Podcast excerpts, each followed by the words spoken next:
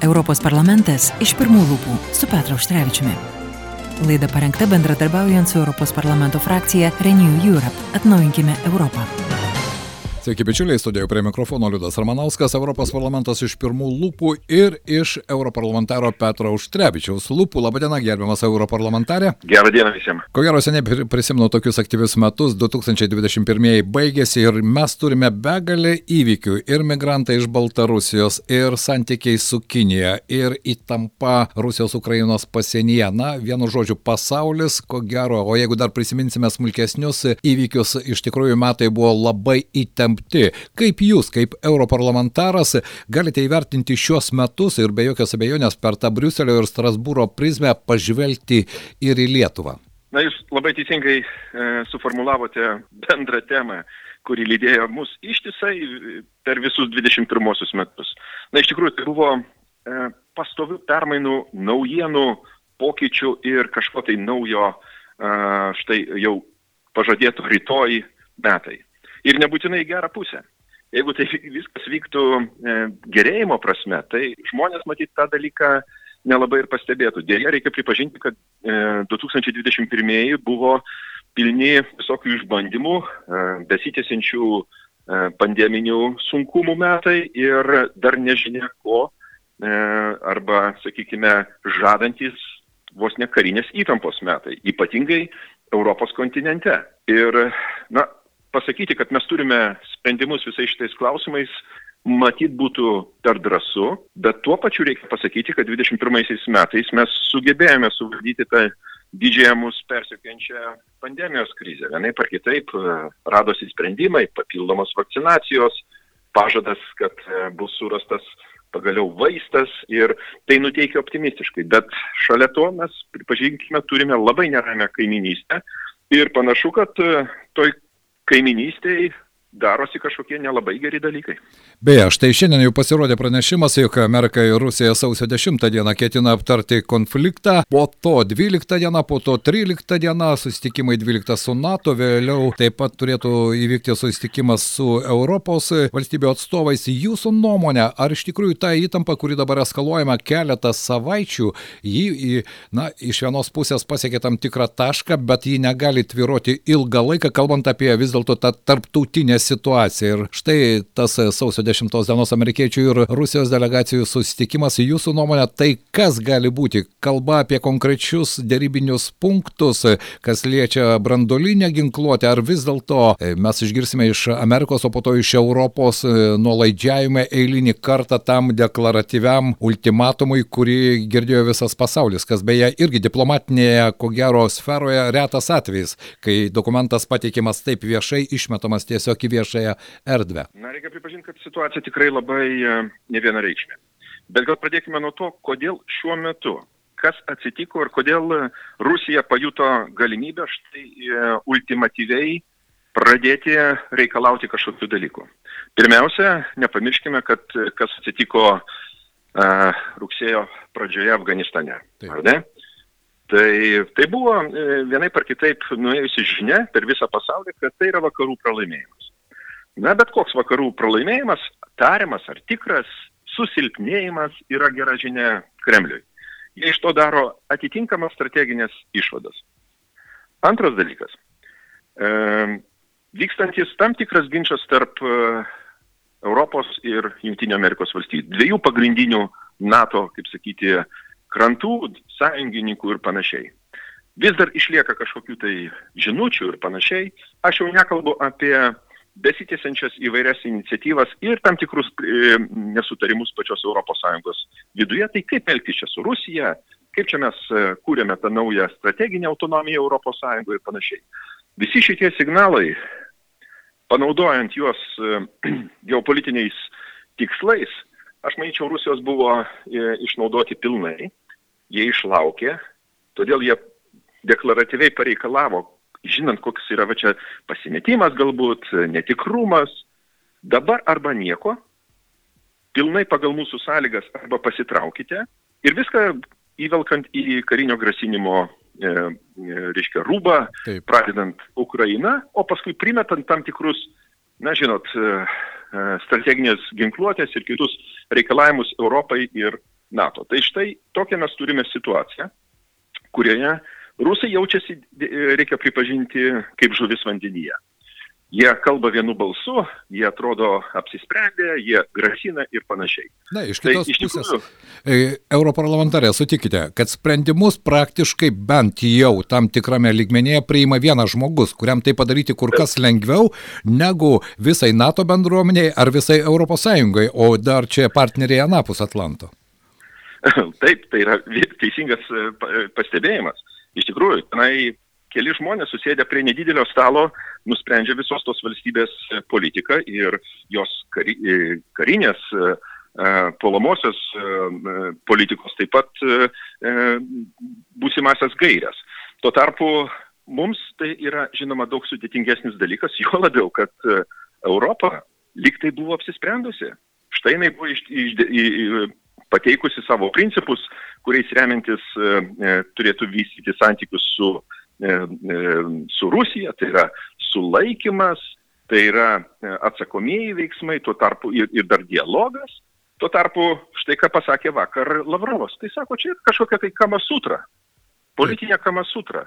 Jūs patys iš, išradote tos principus, jūs patys su jais ir gyvenkite. O mes dėrėsime su Junktinėm Amerikos valstijom. Ką tai sako? Tai sako, kad Rusija nori pažeminti Europą, iki antrailio partnerio statuso ir nori kalbėtis tik tai su Vašingtonu. Kitaip tariant, jums, mums, europiečiams žinia perduos amerikiečiai. Ir su jais bus nu, nu, nuspręsta dėl ateities visokių e, susitarimų ir panašiai. Kas tai yra? Tai yra bandymas priešinti mūsų amerikiečiais ir žaisti tokį labai, sakyčiau, pavojingą mums žaidimą. Be jokios abejonės, ypatingai pavojinga ir mums, ir Baltijos šalims, beje, jos irgi tuose ultimatumuose jos figuruoja vienokia ar kitokia forma. Čia, žinoma, galima būtų ilgai apie tai kalbėti, nepamirštant ir to, ką mes turime čia pat šalia. Štai Lukašenka šiandien skrenda į Sankt Peterburgą, rytoj susitikimas su Putinu, Baltarusija ir jos problemos, jos niekur nedingo. Iš tikrųjų, metų pabaiga labai įtempta, o čia dar aš norėčiau su jumis paliesti paliesti ir vieną temą, kuri jums irgi artima, tai yra ta juoda katė, kuri bėgiojo tarp Lietuvos ir Kinijos.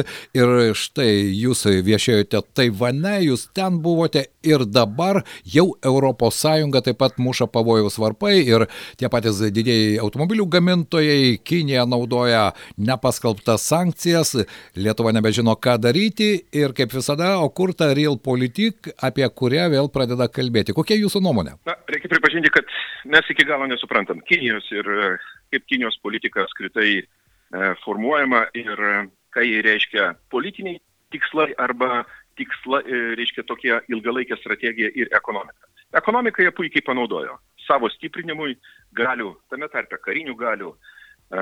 Jau štai ir amerikiečiai sako, kad kažkaip nesupratome, kokiu būdu Kinija taip greitai sustiprėjo kariniu mastu iš kur atsirado ta nauja kariuomenė, e, reiškia ginkluotė, kuri iš esmės būdavo dažniausiai pavagiama e, e, ekonominio, reiškia, špionažo, komercinio špionažo būdu ir panašiai. Kinai moka atgaminti tą ginkluotę ir tas pavoktas idėjas įgyvendinti. Na ir štai atsirado tokia galybė. Ta galybė iš pradžių dezinformacijos formą, paskui kibernetiniam atakom, o dabar matome, kad kuomet jie jau nesibodė imtis ir uh, ekonominio šantažo. Tai ES yra pagrindinė investuotoja Kinijoje.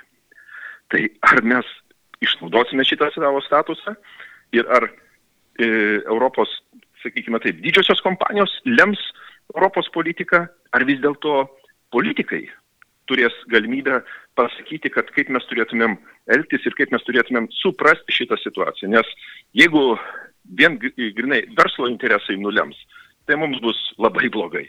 Ir bus dar blogiau, tą reikia suprasti.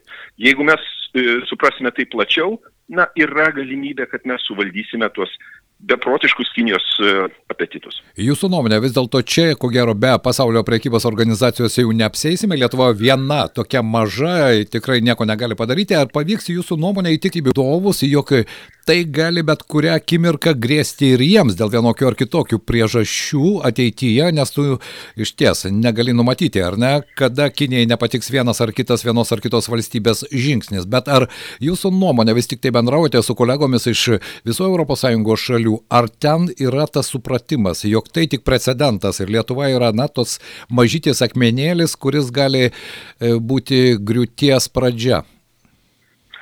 Labai teisinga pastaba.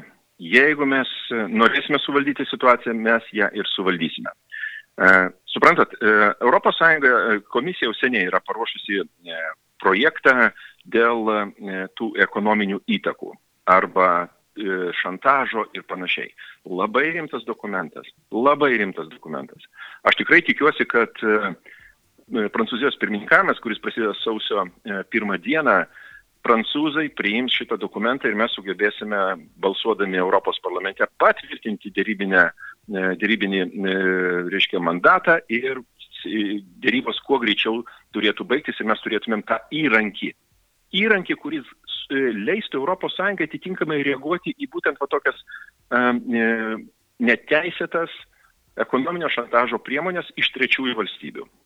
O kadangi prancūzai labai e, sakyčiau, noriai kalba apie tą strateginę autonomiją ES, tai tiesiog e, mes turėtume paskatinti juos e, kuo greičiau priimti tokį sprendimą ir atitinkamai panaudoti tą įrankį prieš, kad ir Kiniją. Man atrodo, mes e, apie Kiniją pradedam galvoti, kad Kinijai jau duota galimybė valdyti pasaulį. Bet taip nėra.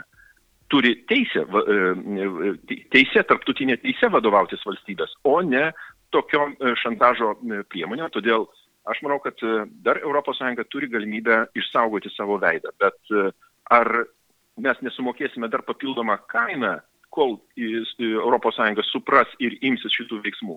Čia ir mūsų reikalas. Kitaip sakant, mūsų diplomatinis aktyvumas Bruselėje, dvišaliai ir daugiašaliai kontaktai vis dėlto yra labai reikalingi šituo metu ir aš tikiuosi, kad mes panaudosime visas priemonės. Jūsų nuomonė, ar vis dėlto tas žaidimas su Taivanu atstovybės atsiradimu tuo pačiu pavadinimu tai nebuvo, na, galimybė parodyti partneriams, kurie yra pagrindiniai Lietuvos saugumo partneriai, tai yra Junktinėms Amerikos valstijoms, kad taip mes esame tas mažasis žaidėjas, nes didžiosios valstybės tokiuose situacijose dažnai nedaro to ir štai dabar, dabar toje situacijoje ieškoti sąjungininkų ko gero yra vienintelė vienintelė išeitis? Na, žinoma, mums reikia remtis ir apskritai sveikų protų. E, jeigu žiūrėti visą va, šitų, e, šitos trumposios istorijos su Taivaniu ir su Kinija istoriją, tai aš noriu remtis vis dėlto e, objektyvių ir patvirtintų faktų, kad Lietuva deklaravo, kad laikosi viena valstybė, dvi sistemos Taip. principo. Tiesą sakant, aš abejočiau, kad Kinija laikosi šito principo, nes žiūrėkite, kas gavosi Hongkongė, ar ne, kaip jinai nušlavė tiesiog visas demokratinės institucijas pastarųjų rinkimų metu ir, ir ką? Na ir nieko, ta prasme. Porą e, e, pareiškimų iš ES, iš e, vakarų pusės, merka. Tai yra viskas jau įvykęs faktas. Tai mes deklaravome šitą principą. Bet Kinijai to negana.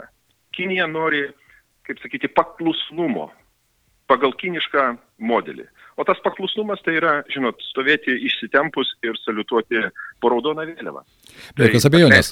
Sutikite, kad tuo pačiu principu ir mūsų didžioji kaiminė Rusija irgi naudojasi būtent tokiais pačiais principais, bet labai gaila, kad laikas bėga labai greitai. Gerbiamas europarlamentarai, jeigu 2020 metus galima Lietuvoje ir pasaulyje pavadinti drąsiai, tai koronaviruso pandemijos metais, jei reikėtų 21 besibaigiančius metus įdėti į vieną sakinį, jūsų nuomonė, koks būtų tas svarbiausias sakinys? Tai matyt metai, kada mes nepritrūkom įvykių.